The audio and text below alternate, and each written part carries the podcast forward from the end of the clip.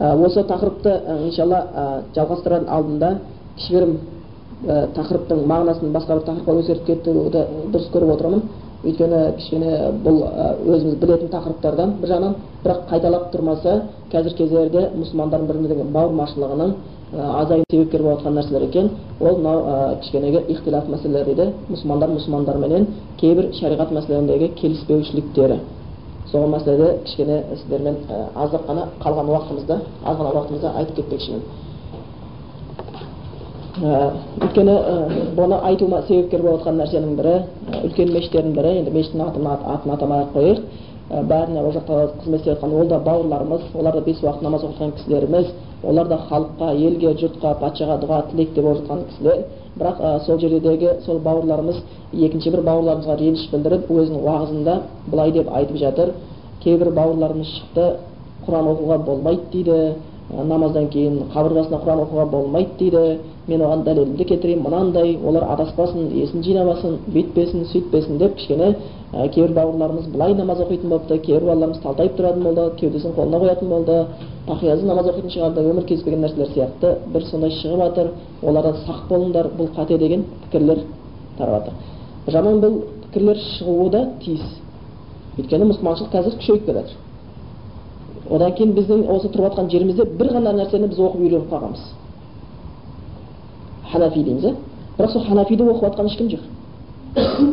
Ханафи мазхабын шындап келген кезде нақты білетін ешқайсысы жоқ жаңағы. Ханафи ханафи айтамыз.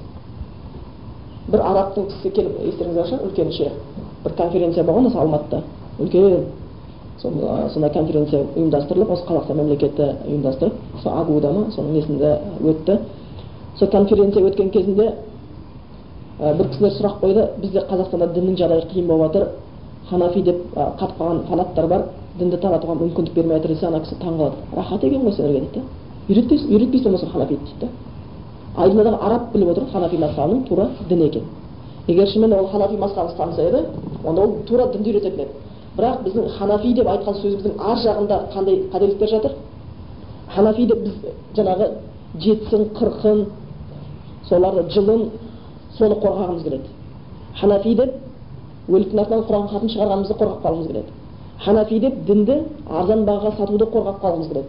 Жаңағы елге қайыршы болып ақша тілеп кеткенді сөйтіп ханафи деп бір дінде кездеспеген нәрсені таратқымыз келеді да. Ханафи деп мәуліттерді алып қалғымыз келеді. Осы нәрселер істегіміз келеді. Сөйтіп біз шындап кеткен кезде ханафи деп шынымен де құрметті болған имам ең жақсы сондай бір кезінде өте дана болып шыққан имамның бірі абу ханифаға керісінше не істегіземіз тіл сөз тигіземіз ол кісінің айтпаған сөзін айтты деп істеген боламыз. Бұл әлбетте бірінші тарапынан осы жағынан қателіктер бар осыны одан кейін ә, намазда құран оқуға келді жай бір мысалдар алайық ә? қазір талас болып жатқан мәселелердің біреусі айтайық. Құран оқимыз оқымаймыз ба бірақ бұл үлкен мәселе емес еді. Намазда қолды кеуденің үстінде ұстаймыз жоқ кеуденің астында ұстаймыз ба? Дәретте жаңағы нәскиге масық тартамыз ба масық тартпаймыз ба не істейміз деген мәселелерде.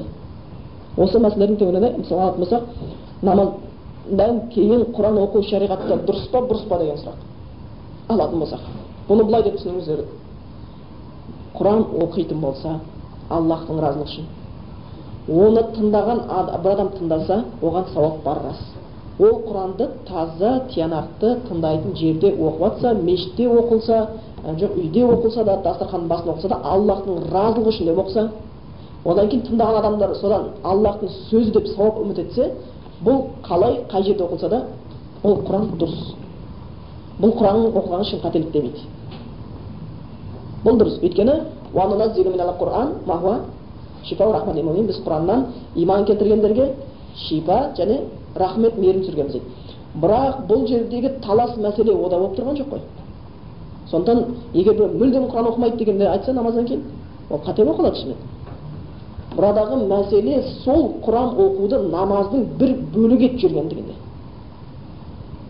намаз сол құран оқылмаса намаз бітпейтін сияқты оқылса міне мәселе осыда еді өйткені бұл егер намаздан кейін құран оқуды әрдайым әдетке айналдыратын болса құран оқымайынша ел орнынан тұрып тарамайтын болатын болса онда бұл сүннет болмайды бұл не болады бидат болады өйткені елдің қате пікірі бойынша осы нәрсе қатады одан кейін ел ертеңгі күні осыны постоянно басында ә, біреу ә, намазда тұрып кетіп намазын сәлем беріп парыз намазын оқып алды да кетіп қалды ешкім оған ешқандай сөз тигізбейтін бұрын кезде сондай еді қазір енді сөз тигізетін болды құран оқыған кезде кетіп бара жатса біреу жұмыспен асығып оның ойынша ол намазын бітірген жоқ әлі құран оқылу керек олардың намазы жаңағыдай қатып қалған намаз отыз үш рет тасбих құран бір кісі айтады үйіме келсем әйелім тура намаз оқып жатқан кезде үйге келсем қатты қиналамын дейді да әйелім дейді тура бір жарым сағат оқиды намаз дейді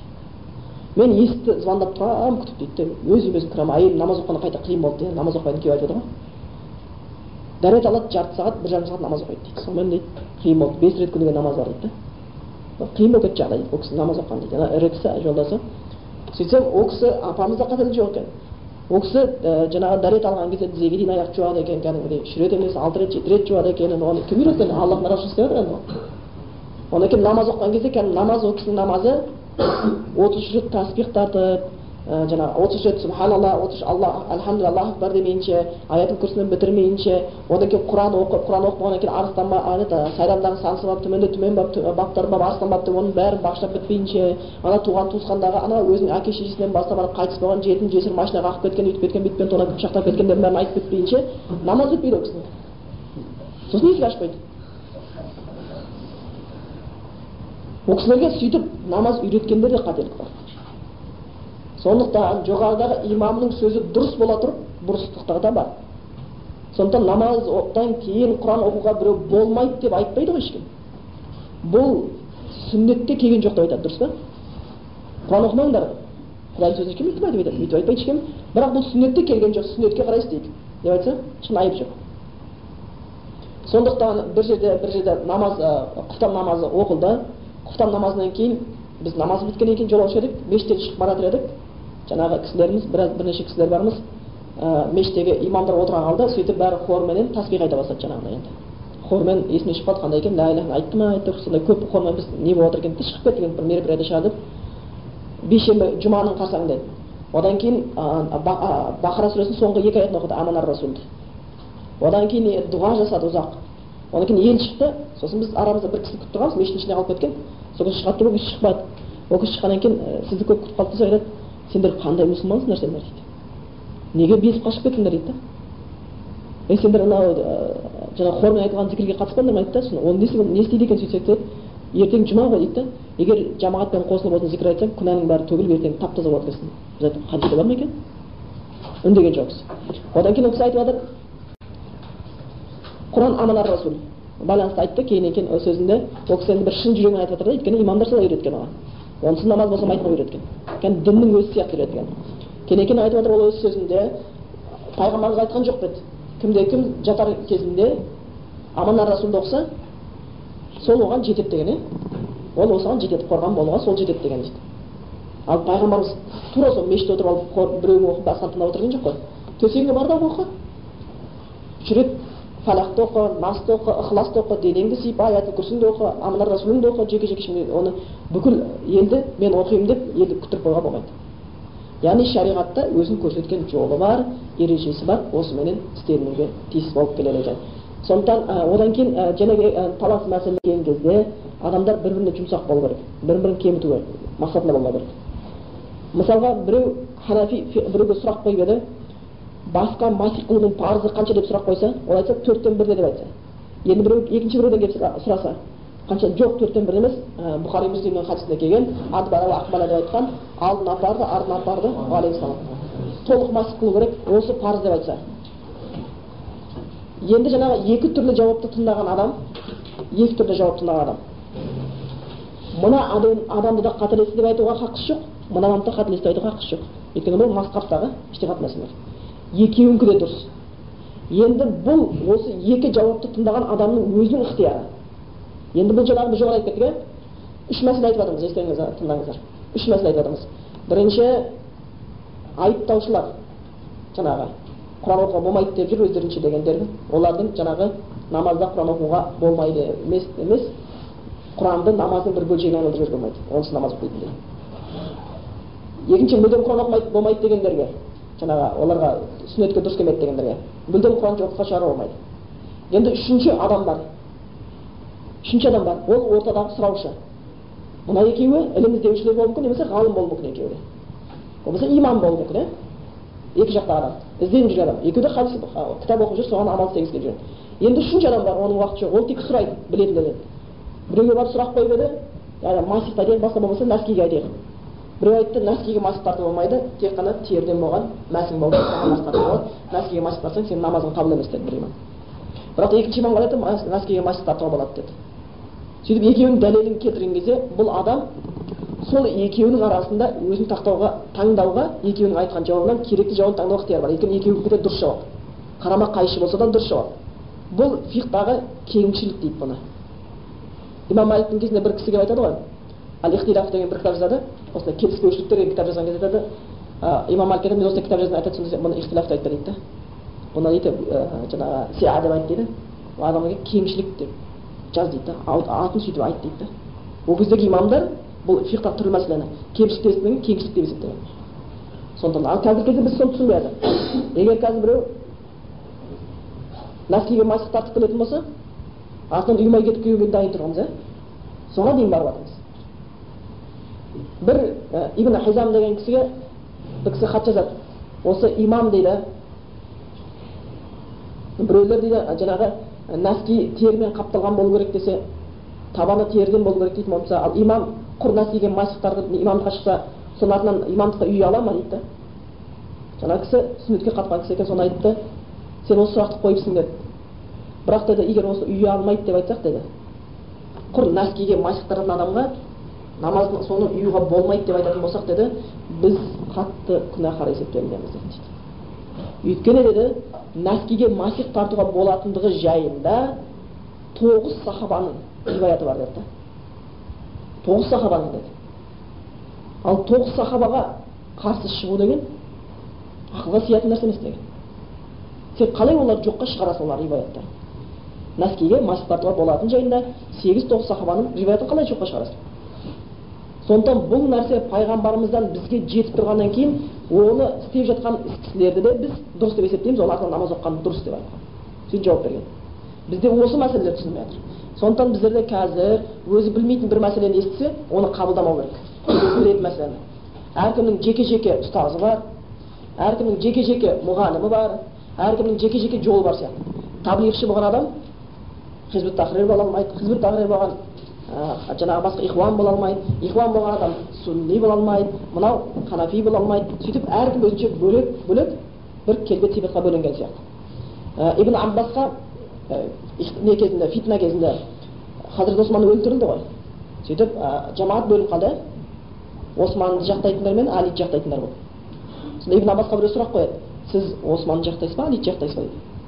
Сіз осман жақтасыз ба али жақтасыз ба дейді. Сонда ол кісі айтқан екен дейді мен осман жақтан емеспін али жақтан емес мен мұсылман жақтамын деген екен дейді бөлмеймін ешкімді деген екен бұлай бөлу дұрыс емес. Сен біреу келіп айтса сен таблиғсың ба жоқ хизбут тахрирсің ба? Бұл дін туралы мүлдем хабарсыздықты білдіреді. Аэропортта отыр едім. Бір жігіт сақалы бар екен онда. Жайлап қарап өтіп кетті. Мен де сақалымен отырмын ғой сосын үндемей өтіп кетті. Екінші рет келіп барып ассалаумағалейкум десем уағалейкум салам рахматуллах тағы да өтіп кетті. Үшінші рет жайлап келіп қасыма отырып отырып сөйлесті. Сөйтіп қайдан боласыз осыныңыздан қайдан қай жерде оқығансыз? Әр жерде оқыдым. Соңғы кезде мединада оқыдым десем ой альхамдулилля альхамдулилля дейді неге альхамдулилля ой қазір түркияда оқысаңдармен ұрысып қаламыз. Мына жақта оқығандармен ұрысып қаламыз. Сирияда оқып келген ұрысып қаламыз. Мына жаққа оқып кетіп қазір өзі ұрысатын заман болып кетті мұсылман мұсылман. Абайламасақ мединада болсаңыз екеуміздің пікіріміз бір шығар дейді да бұл да қателесіп жатыр бұл да қателесіп жатыр бұл мәселе қателік мединада емес түркияда емес мысырда емес дінді түсінбеушілікте өйткені түркияда ханафи мазхабы тарады мысырда ханафи мазхабы тарады мединада хамбали мазхабы тарады бірақ көбісі құран мен сүннетке келіп отырады екен енді жаңағы үшінші адамға сұрақ қойған адамға біреу нәскиге тартуға болады тартуға болмайды деді ол үшінші адамға таңдауға жолдар бар осы екеуінің қайсы құдайдан көбірек қорқады соны таңдауға правосы бар егер ол ажырата алмаса білімде қарасын оған берген адам біреусі дінге шынымен де тақуалық істейді қорқынышы бар. Онда соның сұрағын жауабын таңдауына правосы бар болмаса қайсының дәлелі күштірек болды. Соны алуға. Жаңағындай масиге мас тартып ал хадис келтірсе кетіре алмағанда нәскиге мас тартып хадис келтірсе деді келтірді дәлел. Онда оның нәскиге тартуға болады деген сөзін алуға правосы бар сондықтан бұл мәселелерді жаңа алып келген кезде осыны қосып айтып жатқаным айтып жатқаным мешіттерге барып қалған кезде бұндай мәселелерге таласқа түсетін мәселе емес бұл бір бірін жек көретін мәселелер емес бұл фих мәселесі фих мәселесінде бір сұраққа бірнеше жауап бола береді және бірнеше бір сұраққа бес жауап бесеуі де бесеуі де дұрыс болуы мүмкін бесеуі де дұрыс болып есептелуі мүмкін сондықтан осы бір мәселелер қалыптасқан кезде оған дұрыс жаңа көңіл бөлуге ықтияр болыңыздар. Тек қана қатты көңіл бөлетін нәрсе ол ақида мәселесі. Ол ақида мәселесі біздің қазіргі кезде сөзімізді осымен аяқтай саламыз. Оны осы алла қаласа осы ақида кітабымыз біткеннен кейін жалғастырамыз. Осы қазақстандағы ақидадан кетіп жатқан қателіктерге байланысты негізгі сабақтарымызды алла қаласа өтуге тырысамыз иншалла. Сол кезде түсіндіріп айтып кетуге тырысамыз. Өйткені бізде қазір шынымен де қазақстандағы ең маңызды шаруалардың бірі. Намаздан да басқадан бұрын ол бір аллаға сенуді үйрету яғни аллахтың шынымен жаңағы құлшылық лайықты зат деген нәрсені түсіндіру болып тұрған заттың біреусі әйтпесе шынымен де оны аллахты жай жаратушы рызық беруші деп жүргендер де бар. Сөйтіп намаз оқып жүргендер де бар. Аллахтан бөлек нәрсеге намаз оқып жүріп сиынып жүргендер де бар. Қазір мешітке келіп жүрген ішінде білесіздер ақ жолға барып әулие да кездеседі ішінде палшыларың да бар ішінде әруаққа сиынатының да бар ішінде көріпкелің де бар. Бірақ бәрі мешітке келіп жүр. Бірақ ертең шынымен қияметтің күні болған кезде сол мешіттегі адамдардың бәрі сол күйінде жәннатқа топ етіп көре қалады деп ойлайсыздар ма? Соның бәрі біреулер жоқ болып шыға келеді ішінде әруаққа сыйынғаны палшы да жоқ болып кетуі мүмкін да тозаққа кетіп қалуы мүмкін. Ертең олар айтуы мүмкін. Ей бір мешітте жүрдік қой бірге сәжде қылдық қой бірге жүрдік қой онда неге айтпадың деген сияқты. Сондықтан ол мәселелер шынымен де бұл керек мәселелер бұл маңызды діннің негізі солар болып табылады. Оны келесі тақырыпта жалғастырамыз